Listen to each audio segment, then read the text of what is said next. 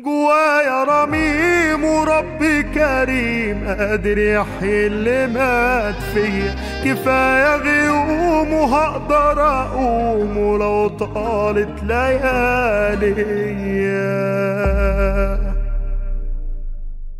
هقول لك على ثلاث خطوات تقدر تستعيد بيهم ثقتك في الصدق وتبني من هدم من هذه الثقة. بعد ما يمكن جربت تكذب كذا مرة والكذب جاب لك المصالح بتاعتك ونجاك من مشاكل استعيد الصدق لأنه أحد أهم أخلاق المؤمنين. وأهم الأشياء اللي هتسأل عنها بين يدي رب العالمين وأنت ما تحبش تبعث بين يدي الله كذابة تحب تبقى صديق. أول خطوة هي معتقد فكرة. الفكرة دي أساس علاقتنا بالخالق.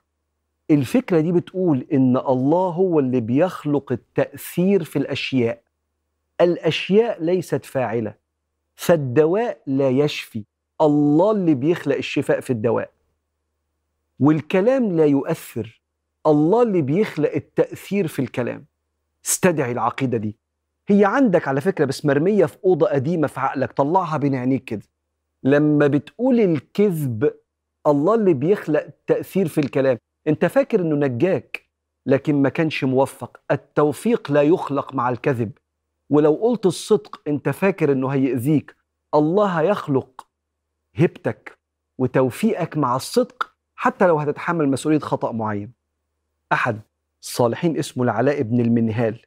بيقول كان خاقان وده أحد أغنياء العرب داخل عليه الناس من العرب يسلموا عليه. فشاف في واحد ضربة كده. فقال له ما هذه المعركة؟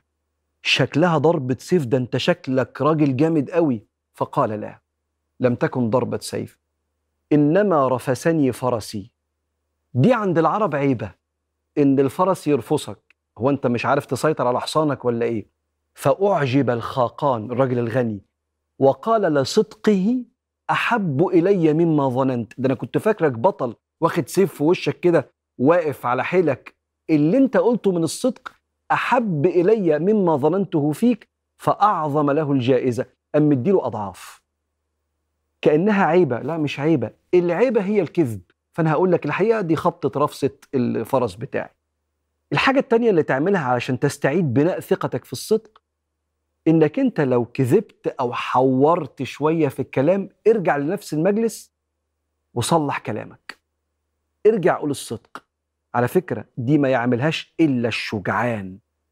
سيدنا النبي عليه الصلاة والسلام يقول تحروا الصدق. التحري اللي بقولك عليه ده يا جماعة أنا قلت كلام مش دقيق. الحقيقة كذا. أنت لو عملت كده هتكسر خوفك من الصدق. تحروا الصدق. وإن ظننتم فيه الهلك فإن فيه النجاة.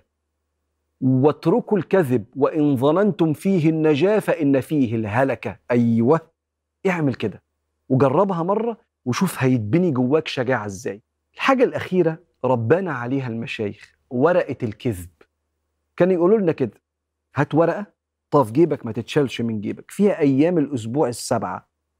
كل ما تكذب في هزارة تكذب في كلام تكذب في ميعاد تقول رايح وأنت مش ناوي تروح اعمل شرط. وعلى آخر الأسبوع بص كويس أنت كذبت كام كذبة؟ طلعوا 25 ماشي. حط هدف إن الأسبوع الجاي يبقوا أقل من كده النص على الأقل ويبقى ده مستهدفك. وإيه؟ كل كذبة حتى لو في هزارة لأن سيدنا النبي عليه الصلاة والسلام أوصانا أن نترك الكذب وإن كنت مازحا. فكنا نكتب نكتب نكتب ونحط أهداف لغاية ما الكذب قل جدا جدا ببركة ورقة الكذب دي. وخليها كده في جيبك لعل فيها النجاة. ولا يزال الرجل يصدق ويتحرى الصدق حتى يكتب عند الله صديقا. صديقا مش يعني بيقولوا الصدق دي مرتبة الصديق اللي بعد مرتبة النبي اللي بعدها مرتبة الشهيد بعدها مرتبة الصالحين. فأنت تحريك الصدق وإعادة بناء ثقتك في الصدق هيحطك في حتة تانية دنيا عند الناس وآخرة عند رب الناس.